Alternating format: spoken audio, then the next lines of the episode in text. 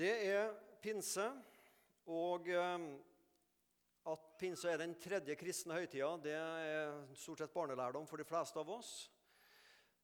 Men så er det litt vanskeligere av og til å få tak på det med pinse, fordi jul da er det ei krybbe og det er en stall og eh, vismenn og alt det her. Det er så konkret. Påska det er kors, det er ei tom grav, det er Getsemanehagen. Det er noen sånn konkrete ting. Og så kommer vi til pinsa, så er det litt, sånn, litt mer luftig, svevende. Og det er ikke tilfeldig, for ordet for ånd og ordet for luft er det samme ordet. Den hellige ånd, den hellige lufta. Der noen mente at det dreide seg om hallusinasjoner Språklig C-moment å si. Der ropte andre halleluja. Så noen trodde jo disse disiplene var fulle at de hadde drukket vin. Men slapp av, det er bare tredje time på dagen, altså klokka ni på formiddagen. Så de er ikke fulle. Det er ikke derfor de snakker uforståelig, men de er fylt av Ånden. Vi skal lese sammen teksten fra Apostlenes gjerninger, kapittel 2, vers 1-11. Og da pinsefestens dag var kommet, var de alle samlet på samme sted. Da kom det med ett en lyd fra himmelen, som når et veldig stormvær farer fram, og fylte hele huset der de disiplene satt. Og det viste seg for dem tunge liksom av ild, som delte seg og satte seg på hver enkelt av dem. Da ble de alle fylt av Den hellige ånd, og de begynte å tale i andre tunger, alt etter som ånden ga dem å tale. Nå bodde det i Jerusalem gudfryktige jødiske menn fra alle folkeslag under himmelen.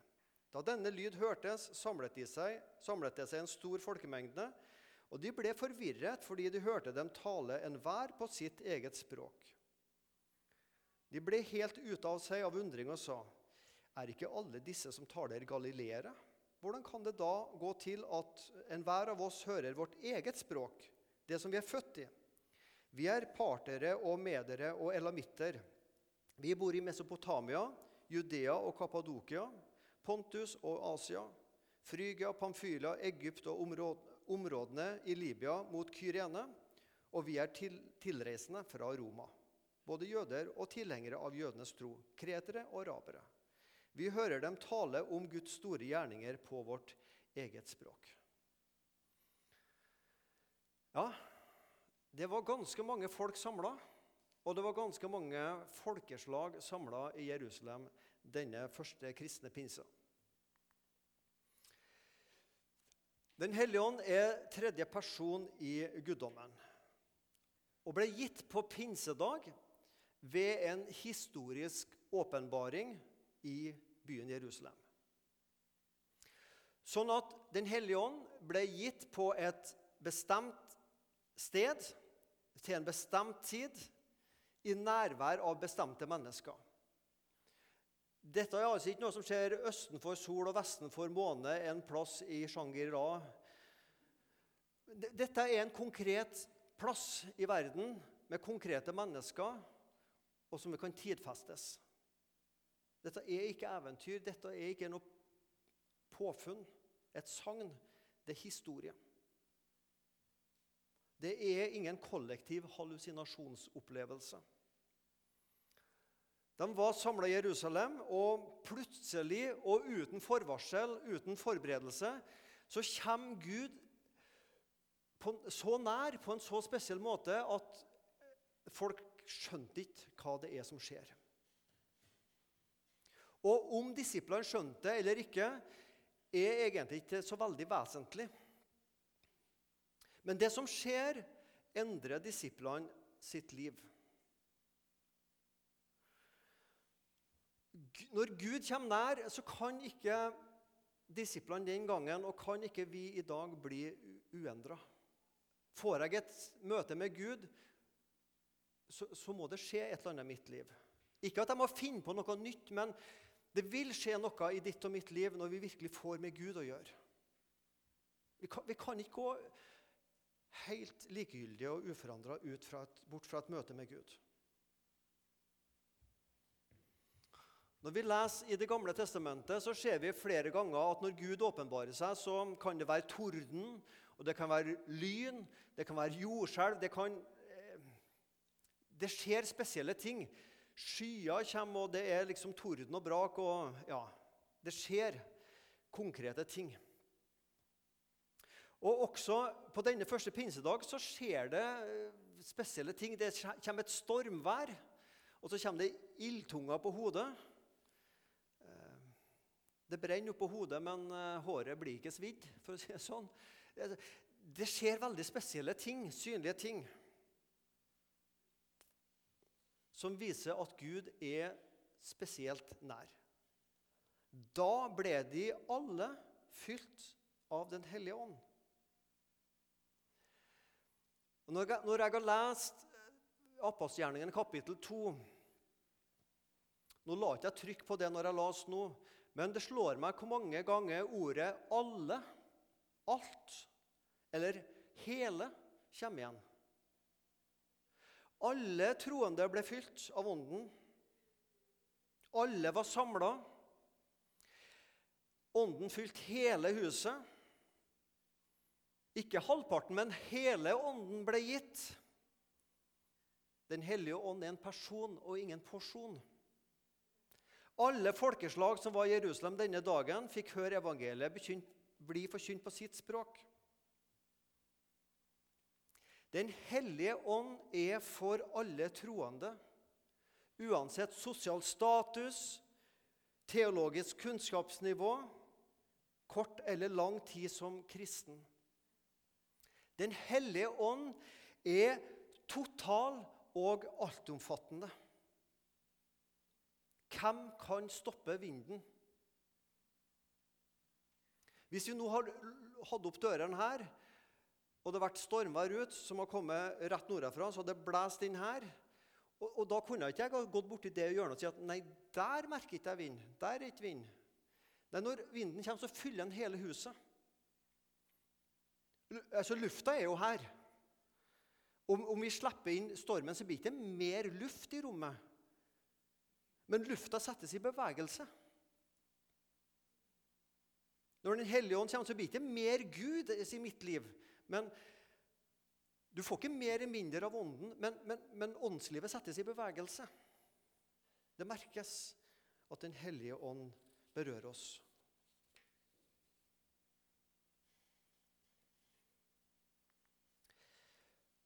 Første pinsedag er et språkunder. Og Det la du sikkert merke til jeg la at det var ganske mange nasjonaliteter.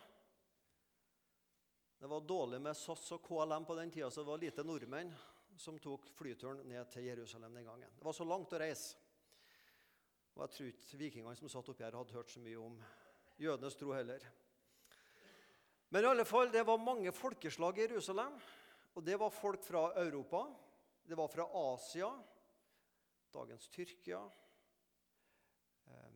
Kappadokia ble bl.a. nevnt. Nord-Afrika, Kyrene. Han, husker dere Simon fra Kyrene som det står om fra påska? Det er borti Nord-Afrika der en plass. Borti der, Det er jo svært, det, men det er der en plass i Nord-Afrika. Folk fra ganske stort område samles i Jerusalem og plutselig hører de evangeliet bli forkynt på deres eget språk. Noen dager i forveien Matteus 28, så har Jesus gitt dem misjonsbefalinger på Galileafjellet. Og på, um, I slutten av uh, Lukas så står det jo om de er på Oljeberget, og Jesus gir misjonsbefaling der også. Så Jesus hadde gitt klar beskjed gå ut i all verden og forkynne evangeliet til alle folkeslag. For oss så høres ikke det så veldig radikalt ut. For jøder var det mer radikalt, for det var jo vår tro. Jødenes tro. Og så blir de kristne jødene også bedt om å gå ut i hele verden. Det var ikke så lett i utgangspunktet. Jesu disipler, flere av dem fiskere, ikke veldig skolelys og veldig språkmektig. Og jeg vil nok tro at de grua seg for å lære nye språk. For de skjønte jo at all verden kommer jo til Jerusalem. Jesus ba oss gå ut. Og når vi går ut til japanere og hva det nå er, så, så kan ikke de vårt språk. så um, hva gjør vi nå? Så kommer altså Ånden og gir dem språket. Så Det måtte være veldig spesielt å være i Jerusalem den dagen og høre alle mulige slags verdensspråk. Altså, det som skjer på pinsedag, er ikke at disiplene får tungetale. Dette er ikke en fortelling om tungetale, for det er uforståelig språk. Men her får de altså svensk og dansk og tysk og engelsk og eh, all verdens språk. Det er et språkunder, det som skjer her på første pinsedag. Da jeg gikk på misjonsskolen, så hadde jeg en lærer som heter Olav Uglem. Noen av dere som eldre her husker han.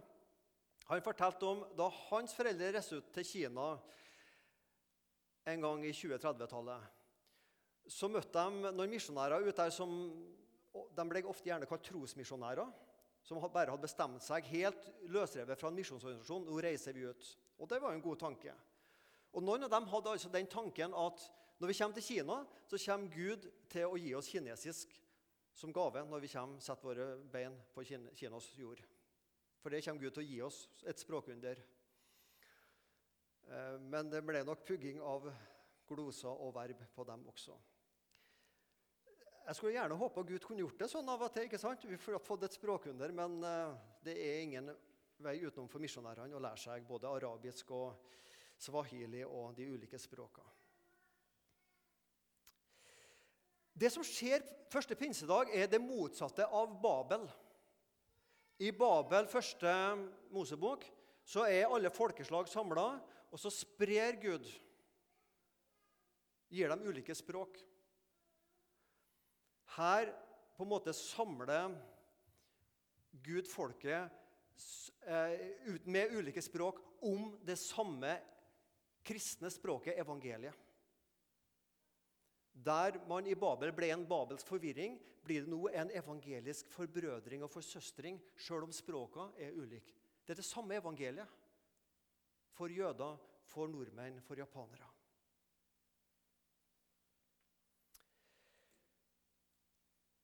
Pinseundret Har du noen gang bedt om at å, Gud, send meg pinseunderet på nytt? Jeg tror nok jeg har bedt om det. Kanskje har du òg bedt om det. Helt til jeg oppdaga at det er jo unødvendig. For å si det sånn, Har du noen gang bedt om at Jesus skal bli født på nytt igjen? Har du noen gang bedt om at påska må skje igjen? Nei, ingen som som ber om at jul og påske skal skje igjen. Ingen grunn til å be om at pinsehundret skal skje igjen. Det har skjedd. Ånden er kommet. Vi trenger ikke å be Gud sende Den hellige ånd. Den er sendt.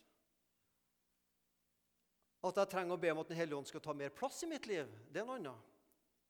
Åndsfylden, ja, det trenger jeg å be om. Sikkert du òg. Men vi trenger, ikke, vi trenger, ikke, å vente på at Gud skal sende pinseunderet på nytt, for det gjør han ikke. Det har skjedd en gang for alle. Jeg skal bruke bildet med husbygging, som sier noe om åndens oppgaver. Og Da leser vi sammen fra 1. Korinterne 3, vers 10 og 11. Etter den Guds nåde som er gitt meg, sier Paulus, har jeg lagt grunnvoll som en vis byggmester, og en annen bygger videre på den. Men enhver må se til hvordan han bygger videre, for ingen kan legge en annen grunnvoll enn den som er lagt, det er Kristus. Jesus Kristus. Et hus trenger en grunnmur. Og Den kristne kirkes grunnmur er evangeliet. Det er Jesu korsdød og oppstandelse. Noe annet grunnmur fins ikke. En, eh, et hus trenger reisverk, kledningsspor, hustegninger og arbeidsfolk. Jesu død oppstandelse kan vi si er grunnmuren. Frelsa er lagt en gang for alle. Hustegningene dem har vi i Bibelen. Arbeidsfolka er alle troende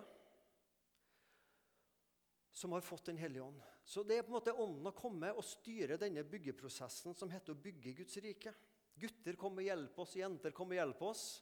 Hellig Ånd kom og hjelp oss å bygge Guds kirke. I Det gamle testamentet så ble Den hellige ånd gitt til prester og profeter og konger og enkelte utvalgte, de som høyt på strå. I den nye pakt så utøses Ånden over alt kjød, over alle troende. Over den som er i menneskelige øyne lavest ned, og kanskje den vi menneskelige øyne setter høyest på rangstigen. betyr ingenting. Ånden er for alle.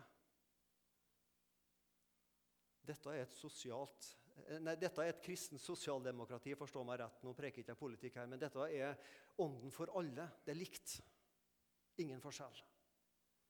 Alle kristne som er døpt til Kristus, alle kristne har blitt døpt med Kristus og med Guds ånd. Og så er vi kalt til stadig å bli fylt på ny av Ånden. Og Det er ikke noe som skal skje en gang for alle. Det må skje daglig når jeg fyller meg med Guds ord. Jeg har nok også tenkt at det med Helligånd det er, det er liksom litt for de mer sånn ekstra kristne. De sånn åndelige kristne. Det er liksom Den hellige ånd for. Ikke for en arm, syndig, skrøpelig lutheraner som meg. Dere skjønner jeg karikerer litt nå. Nei, Den hellige ånd kikker ikke på kirkesamfunn. Den hellige ånd vil fylle alle. Vil fylle deg. Og åndsfylde er ikke at jeg får mer og du får mer av Den hellige ånd. Åndsfylden er at Den hellige ånd får mer av deg og mer av meg. I mitt hus så er det mange rom. Og det er fortsatt rom i mitt hus som ånden trenger å få mer plass i. Og kanskje den rommet som man vanskeligst får plass i, det heter pengeboka og lønnskontoen. Også der vil Den hellige ånd fylle. Tida di, prioriteringene dine osv. Det er så mange rom som Den hellige ånd fortsatt må innta i mitt liv. Det er åndsfylde. Det at du går ut fra misjonssalen en søndag og sier 'Yes, i dag ble jeg mer kjent med Jesus'. 'I dag ble jeg mer glad i Jesus'. 'I dag ble jeg mer avhengig av nåden og Jesus'. I dag vil jeg bruke mer av mitt liv til å tjene Gud og Jesus og misjon og være god mot mennesker. Det er åndsfylde. I dag skal jeg gi kona en enda bedre klem. Om akkurat det er åndsfylde, vet jeg ikke, men kanskje en konsekvens for alt jeg vet. Det er åndsfylde. Og det trenger vi å be om at Gud må fylle oss med. En hellige ånd er gitt. Han er tilgjengelig. Det er noe Støpsel og stikkontakt lærer aldri forskjell på det. vet du. Men sånn som strømmen kommer i veggen sant? Det er stikkontakt, det. Og så setter du støpselet i. Det er den veien, ikke Ja, jeg må se på en elektriker her. Så strømmen er lagt inn. Men vi må jo koble oss på for å få lys. Den hellige ånd, altså Strømmen er jo her. Den hellige ånd blir ikke gitt på nytt. Men jeg må koble meg på sånn at jeg får at ånden, kraften, får fylle mitt liv. Det siste jeg vil si, og det er ikke mindre viktig, selv om det er sist, det er Den hellige ånd og misjon. Pinsedag er misjonens store dag. Og Det er derfor også vi legger så mye trykk på misjon på en sånn dag som dette her. Bangale, Nord-Afrika, de unådde. Og de plassene der vi har nådd inn, og der vi fortsatte å jobbe. På pinsedag, for første gang i verdenshistorien, så ble evangeliet forkynt for mange folkeslag samtidig. Misjonen fikk på en måte en kickstart på første pinsedag. Så er det en grunnmur som er lagt, og så er det arbeidsfolk. Og så er det den daglige leder av den bedriften som heter Misjon AS. Han heter Den hellige ånd. Og at misjonen skal drives fram til Jesus kommer igjen, det er et verk av Den hellige ånd. Hvordan merker vi at vi har ånden å gjøre? Jo, Vi kan nevne mange ting, men jeg tror ikke minst misjon er et et tegn på at vi har med Ånden å gjøre. Før helga, så, på fredag i lørdagsutgaven av Vårt Land, så var det intervjua tolv kirkeledere som snakka om pinsa. Jeg syns det var veldig kjekt å lese det. Hvordan man på en måte så spor av Den hellige ånd i sitt kirkesamfunn. Og Så var vår generalsekretær også intervjua, Øyvind Aasland. Og Han løfta opp dette med misjon. altså at det er et tegn på ånden iblant oss. Hvis misjon bare er en av mange interessefelt i livet? Nei. Men hvis misjon er det, det er livet for oss, folkens. Det er det vi lever for. At nye mennesker skal møte Jesus Kristus, bli kjent med Han. Når misjon blir viktig for oss, og Jesu frelse blir uunnværlig for oss, da har du med Den hellige ånd å gjøre. Så kan vi snakke om nådegave og mange andre ting. Men Gud tar aldri fra meg behovet for Jesus, at Jesus blir herlig og stor for meg. Og Gud tar aldri fra meg nøden for de ufrelste og misjon. Det er ånden iblant oss.